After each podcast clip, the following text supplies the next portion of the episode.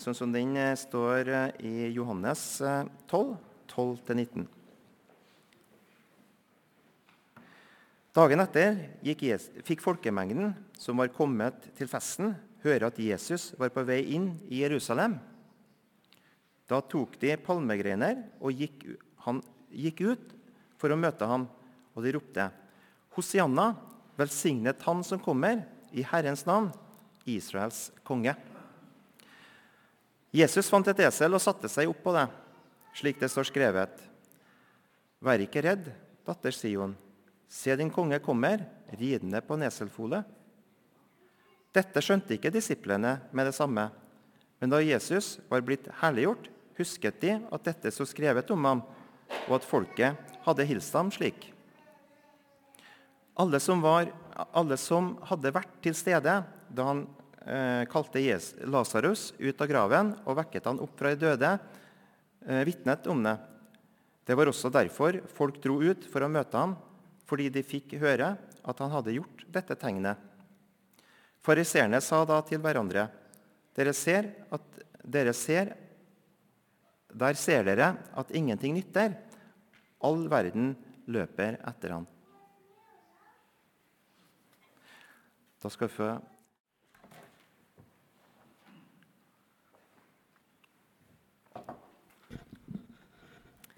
Jeg har kalla talen min i dag for 'Folket, kongen og et esel'.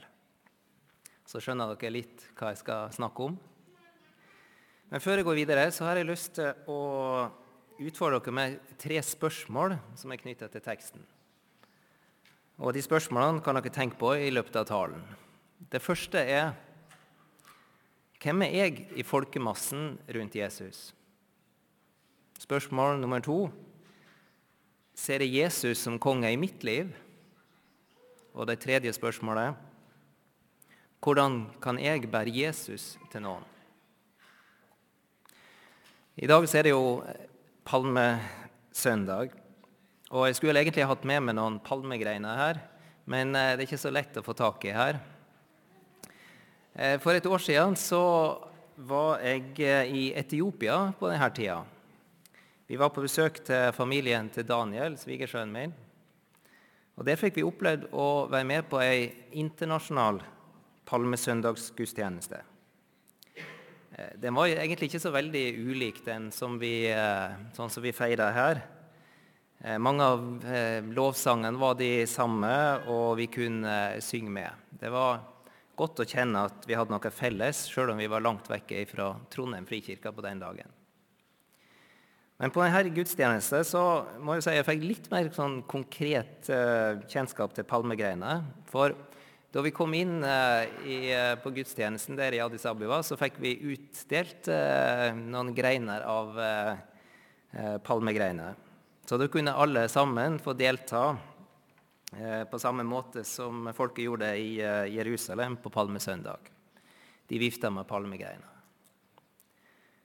Det er ikke kanskje så lett for oss å gå ut og skjære palmegreiner til en sånn her dag. Vi bruker kanskje gåsunger eller pusekatter til sånne ting. Men i disse pollentider så er det kanskje ikke så lurt å ta sånt innendørs. Og greiner av furu og gran er kanskje ikke så godt å gå på heller. Så palmegreiner er nok et godt valg for de, for de som har det. Eh, Palmegreiner det er jo et, egentlig et gammelt eh, symbol. I gamle Egypt så ble de herrene eh, brukt som et symbol på udødelighet. Og Jødene de vifta med palmegreiner under løvhyttefesten når de takka for og uttrykte glede for innhøstningen.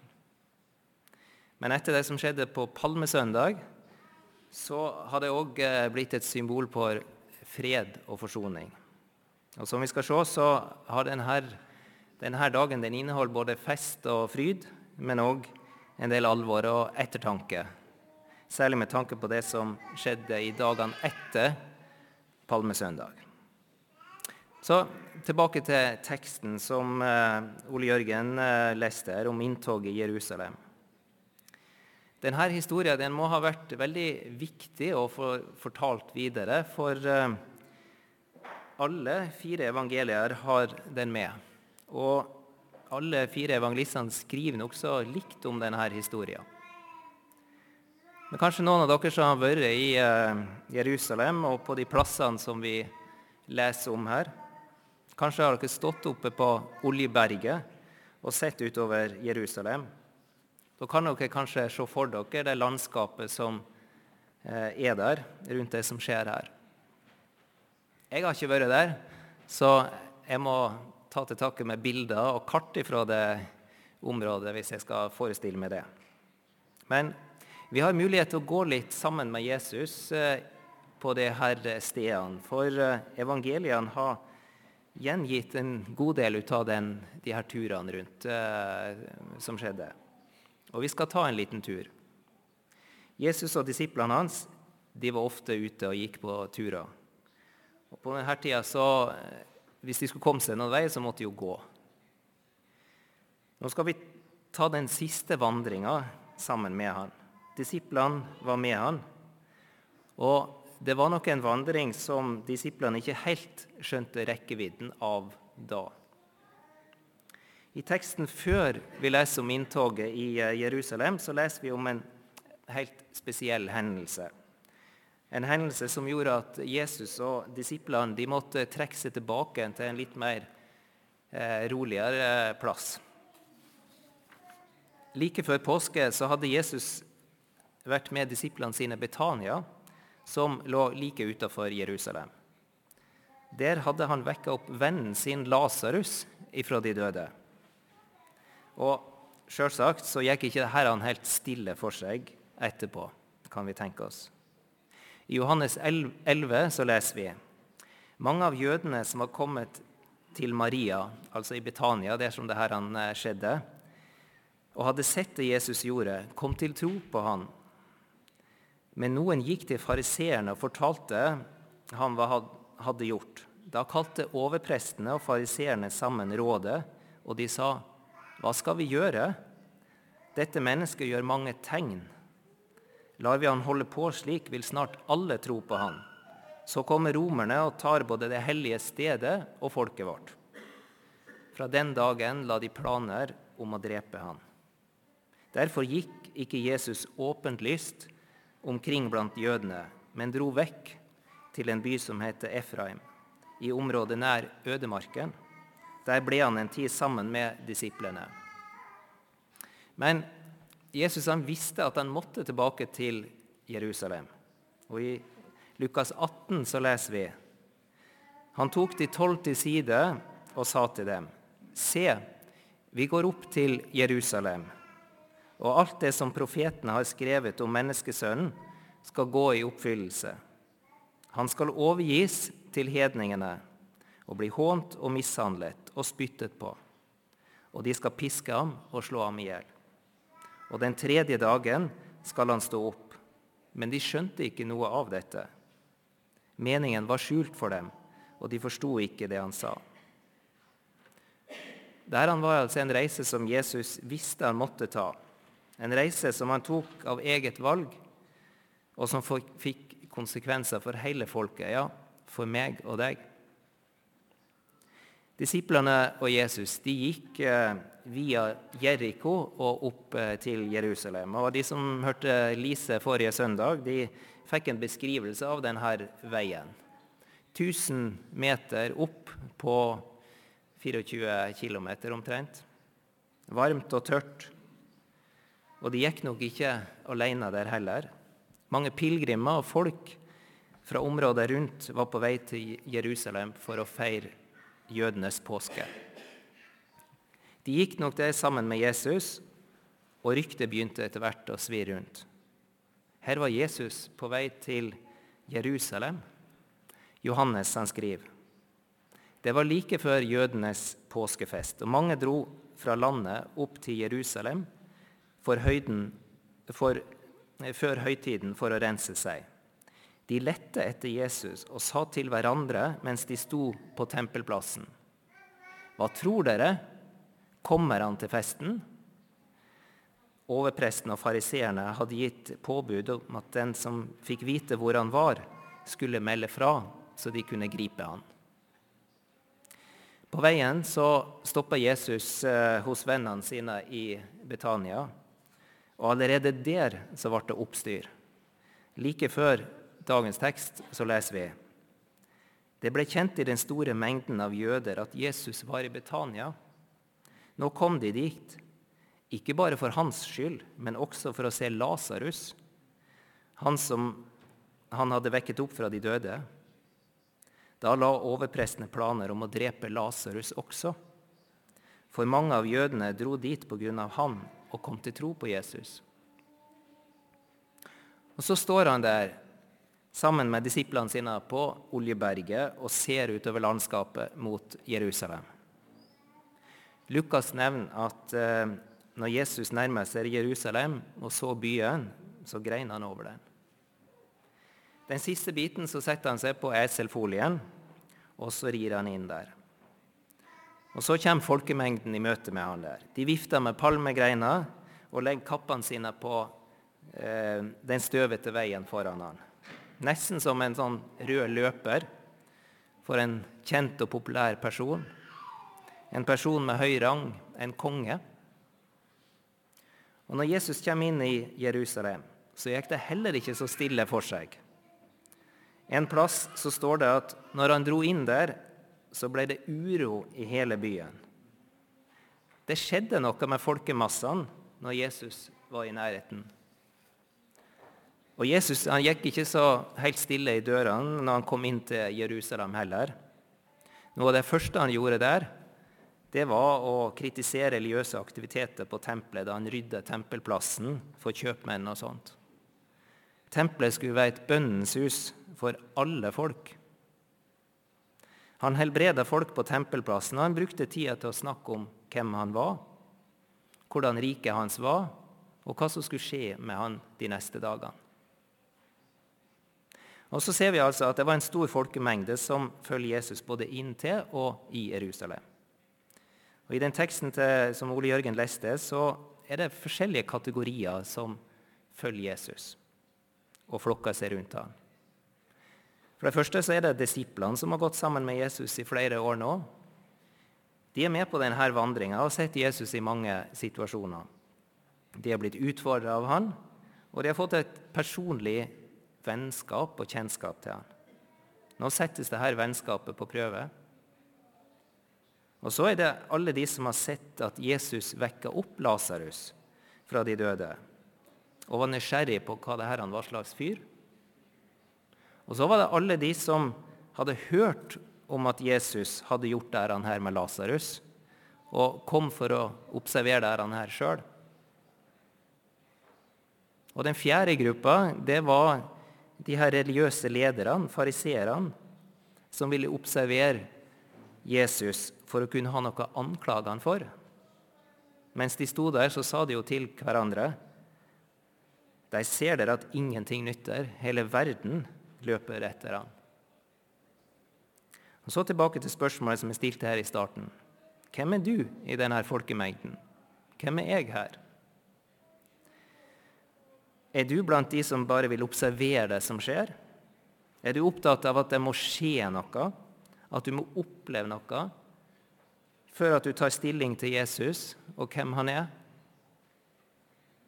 Er det mer behagelig å holde dette på litt avstand som en observatør? Eller er det noen av oss som er de her, som de religiøse lederne, fariseerne, som var mer opptatt med å følge reglene, opptatt av det ytre, ytre ting? Kanskje i ferd med å bygge vår vei opp til Gud? Jesus sier, 'Den som vil tjene meg, må følge meg.' Jesus ønsker at vi alle i denne folkemengden kan være hans disipler. På samme måte som disiplene har fått et personlig forhold til Jesus, så inviterer han oss i dag til å gå sammen med han i hverdagen. Han vil at vi skal få en personlig relasjon til han. Ikke bare observerer han på avstand, men inviterer han inn i vår hverdag. Han vil komme der, og han vil gi oss det vi trenger. Snakk til han, be til han, les det han har sagt, Det er konkrete ting som en disippel kan gjøre i dag. Mange av de folkene som ropte Hosianna denne dagen, de hadde nok en forventning om at Jesus skulle være den politiske lederen eller kongen som de hadde venta på. Han skulle komme og sette jødene fri. Fri fra denne romerske okkupasjonen. Frihet til et eget land, frihet av en egen religiøs, politisk leder for israelsfolket. Profeten Zakaria hadde profetert om dette flere hundre år før Jesu tid. I Zakaria 9 kan vi lese Bryt ut i jubel, datter Sion. Rop av glede, datter Jerusalem. Se, din konge kommer til deg, rettferdig og rik på seier. Fattig, eller saktmodig, som det står noen andre plasser. Fattig er han og rir på et esel, på en eselfole. Når Jesus rir inn i Jerusalem, så bekrefter Jesus på en måte at han ser på seg sjøl som jødenes konge. Men likevel så er han en annerledes konge enn det som israelsfolket hadde forventa. For det første så er ikke hans kongerike av denne verden. Det var ikke et synlig, konkret kongerike for israelsfolket. Nei, det var så mye mer, mye større og mer omfattende enn det. Når Jesus står for Pilatus litt senere i påskeuka, så spør Pilatus er du jødenes konge? Jesus svarte han, sier du dette av deg selv, eller har andre sagt det om meg? Er vel jeg jøde, sa Pilatus. Ditt eget folk og overpresten har overgitt meg, deg til meg. Hva er det du har gjort? Så svarer Jesus, min kongsmakt er ikke av denne verden. Var min kongsmakt av denne verden, hadde mine menn kjempet for at jeg skulle, ikke skulle bli overgitt til jødene. Men min kongsmakt er ikke herfra. Du er altså konge, sa Pilatus. Du sier at jeg er konge, svarte Jesus. Og Pilatus han skrev jo på en plakat på korset 'Jesus fra Nasaret, jødenes konge'. Men for det andre så er ikke Jesus bare jødene sin konge. Han er hele verden sin konge. Noe av det siste Jesus sa før han forlot eh, disiplene her på jorda, det var Jeg har fått all makt i himmel og på jorden. Gå derfor ut og gjør alle folkeslag til disipler. Jeg er med dere alle dager inntil verdens ende. Kongemakta hans den gjaldt ikke bare jødene på hans tid. Nei, den hadde ikke begrensninger for tidsepoke eller geografi. Så tilbake til det andre spørsmålet som jeg stilte i starten. Ser jeg han som konge i mitt liv? Ser jeg Jesus som konge i dag? Når man tenker på konge og kongsmakt, eh, så tenker en kanskje på den ene sida på en sånn ja, en konstitusjonell monark som skal være en sånn offentlig representant for kongedømmet. Kanskje litt på samme måte som vi kan se på kong Harald og det han står for i dag.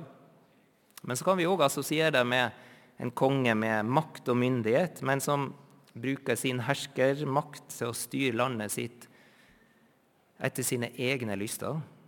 En konge som lever adskilt og opphøya fra sine borgere. En eneveldig hersker som ikke er så interessert i folket sitt. Jesus han er en annerledes konge. Jeg håper du ser det. Han leder et kongedømme som snur opp ned på de her tankene om makt og myndighet. Han er en konge som ser de minste og de svakeste, og som bryr seg om den enkelte Knutsen og Ludvigsen de sang 'Kanskje kommer kongen', og 'kanskje kommer han ikke'. Vi har en konge som har sagt at hans rike, himmelriket eller Guds rike, er kommet nær. Altså, det kommer til oss. Han kommer ikke bare kanskje, han er her.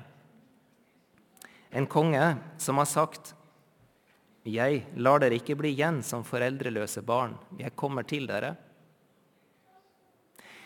Vi har en konge som ikke bare holder makta si for seg sjøl, men han deler med oss den krafta som han har. En konge som har sagt at han skal komme til oss og bo i oss med Den hellige ånd. Det er en konge som har beseira sine motstandere ved å la seg dø.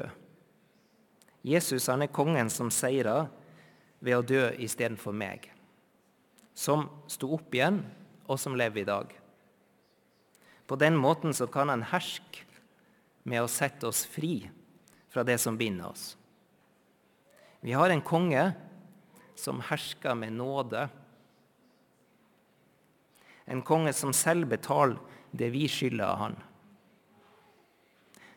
Vi har en konge som tilgir uten vilkår.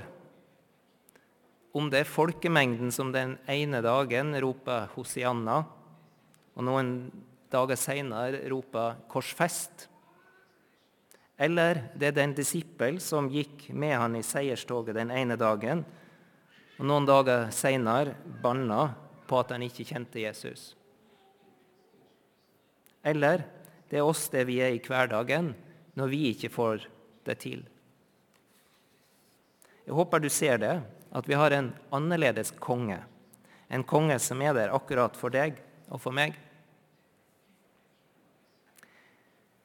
Til slutt så må vi også se på et annet moment, eller hva vi skal si, en figur i dagens tekst, nemlig eselet. I de tre andre evangeliene så beskrives det mer i detalj hvordan disiplene eh, de eh, ble sendt ut for å hente det her eselet, eller eselfolen, som Jesus skulle ri på. I Lukas så kan vi lese Og da han kom til Betfage og Betania, ved den høyden som heter Oljeberget, sendte han to av disiplene av sted og sa:" Gå inn i landsbyen som ligger foran dere. Når dere kommer inn i den, skal dere finne en eselfole som står bundet, og som det aldri har sittet noe menneske på. Løs den og lei den hit. Om noen spør dere hvorfor løser dere den, skal dere svare Herren har bruk for den. De to gikk av sted, og de fant det slik som han hadde sagt. Da de løste folen, spurte den som eide den. Hvorfor løser dere folen? Herren har bruk for den, svarte de. Så leide de folen til Jesus, la kappene sine på den, lot Jesus sette seg opp, og der han red fram, bredte folk ut kappene sine på veien. Jeg har ikke så veldig mye kunnskap om esel, så jeg måtte google med litt tillit til litt eh, informasjon. Noen husker kanskje Tussi fra 100-meterskogen hos Ole Brumm. Det forsiktige og triste eselet. Eller det pratsomme og veldig aktive eselet i Shrek. Alle har vel hørt at esel er stadyr. Vi sier jo 'sta' som et esel. Men etter jeg hadde googla litt, så fant jeg òg ut at egentlig så er esel veldig fredelige dyr. De har en stor arbeidskapasitet. Og de har òg en veldig god hukommelse. Og så er de litt forsiktige, og de er vanskelig å få til å ombestemme seg. Så ja, de er litt sta. Kanskje akkurat sånn som oss mennesker. Men Jesus han valgte altså å ri inn til Jerusalem på et esel. Han kom ikke ridende på en stor og flott, eh, eh stor og flott eh, hest, sånn som andre konger eller eh, hærførere sikkert ville ha gjort. Nei, han brukte et lite esel og en eselfolie som representerte fred og forsoning. Eselet ble brukt til å bære Jesus til Jerusalem. Gud han kan bruke det som ikke ser så bra ut. Gud kan bruke det som ikke ser så stort og flott ut. Dette eselet det var jo en eselfolie som aldri hadde vært brukt til ridning før. Det hadde ikke fått tid til å øve seg på det som skulle skje denne dagen. Likevel så kunne eh, noen bruke det. Og da er jeg tilbake til det, sant? det tredje spørsmålet her, som jeg nevnte i starten. Hvordan kan du bære noen til Jesus i dag? Og Da tror jeg vi må se litt tilbake på vår egen troshistorie. Hvem er det som har båret Jesus til meg? Hvilke personer eller eh, begivenheter er det som har betydd mye for min tro i dag? Jens Petter Jørgensen, han, eh, som skal gå på besøk nå snart, han var òg i fjor i menigheten her og hadde et seminar om, våres, eh, om troshistorie. Eller han kalte det mer trosfortelling. Noen av dere var kanskje der og fikk høre han. Eh, jeg tror det er viktig at vi har et bevisst forhold til vår egen troshistorie. Og på, på mange måter så kan det hjelpe oss til å se hvordan vi kan bære andre mennesker til Jesus, eller at vi kan bære Jesus til andre. Jeg skal ikke dele hele min troshistorie, men jeg skal trekke fram noen få eksempel der. Jeg har jo vokst opp i et eh, kristen heim med en del kristne familiemedlemmer og en del kristne rollefigurer rundt meg. Og de har vært viktige. De første som viste meg Jesus, det var foreldrene mine. Konkret så bar mamma og pappa meg til dåpen, der jeg fikk bli del av, av, bli del av Jesus sitt kongerike. Og Videre i oppveksten så hadde de også vist meg Jesus gjennom daglige aktiviteter. Jeg husker ennå morgenandakten som pappa leste før vi alle sammen dro til skolen og den faste bønna som han ba med oss etter andakten. Jeg tror at det ga meg en trygghet om at Jesus òg var med i de her kjedelige hverdagene. Så tenk på de alle ulike lederne som var med oss på alle de her leirene som vi var med på. For meg som bodde ute på ei lita øy langt ute i havet, så var det godt å komme andre plasser og treffe andre kristne. Og særlig de som var litt eldre enn meg, som jeg liksom kunne ha noe å se, se opp til. Og så var det han skolelagspresten i tida da jeg gikk på videregående. Han som bare var innom av og til, men som betydde så mye for meg når han stakk innom og jeg fikk ta en prat om trua. Jeg husker det godt. Men òg som voksen så har jeg noen som jeg kjenner bærer Jesus til meg. Venner som ber for meg, venner som gir meg kommentarer, meldinger og utfordringer. Eselfolien han ble brukt til å bære Jesus. Jeg håper du ser at også du kan bli brukt i en tjeneste for Jesus. Det spiller ikke noen rolle om du er forberedt eller hvor mye erfaring du har. Alle kan bety noe for andre, og det er bare du som kan fylle akkurat den der spesifikke rollen i andre sine liv. Kanskje tenker du at ja, det er ikke så viktig det jeg gjør. Men for noen så er, det, så er du en viktig brikke i andres troshistorie. Tenk på din egen trosfortelling, og tenk stort om de små møtepunktene i hverdagen med andre mennesker. Kanskje kan du få bære Jesus til noen andre på denne måten. Vi skal avslutte nå, men jeg håper at du kan se at denne, på denne palmesøndag kan se deg sjøl i massen som følger Jesus. Ikke bare som en observatør, men også som en disippel som daglig kan få gå sammen med han og bli enda bedre kjent med han og at du kan forstå han som en annerledes konge med et kongedømme som er prega av nåde i din hverdag. Et kongedømme som òg innebærer at vi kan få kraft til å bære budskapet om denne kongen ut til andre, på tross av at vi ofte er som et sta esel. Etter gudstjenesten her så vil det være noen framme foran eh, her fra forbundsteamet og fra oss i ledelsen. Og hvis, du, hvis det er noe som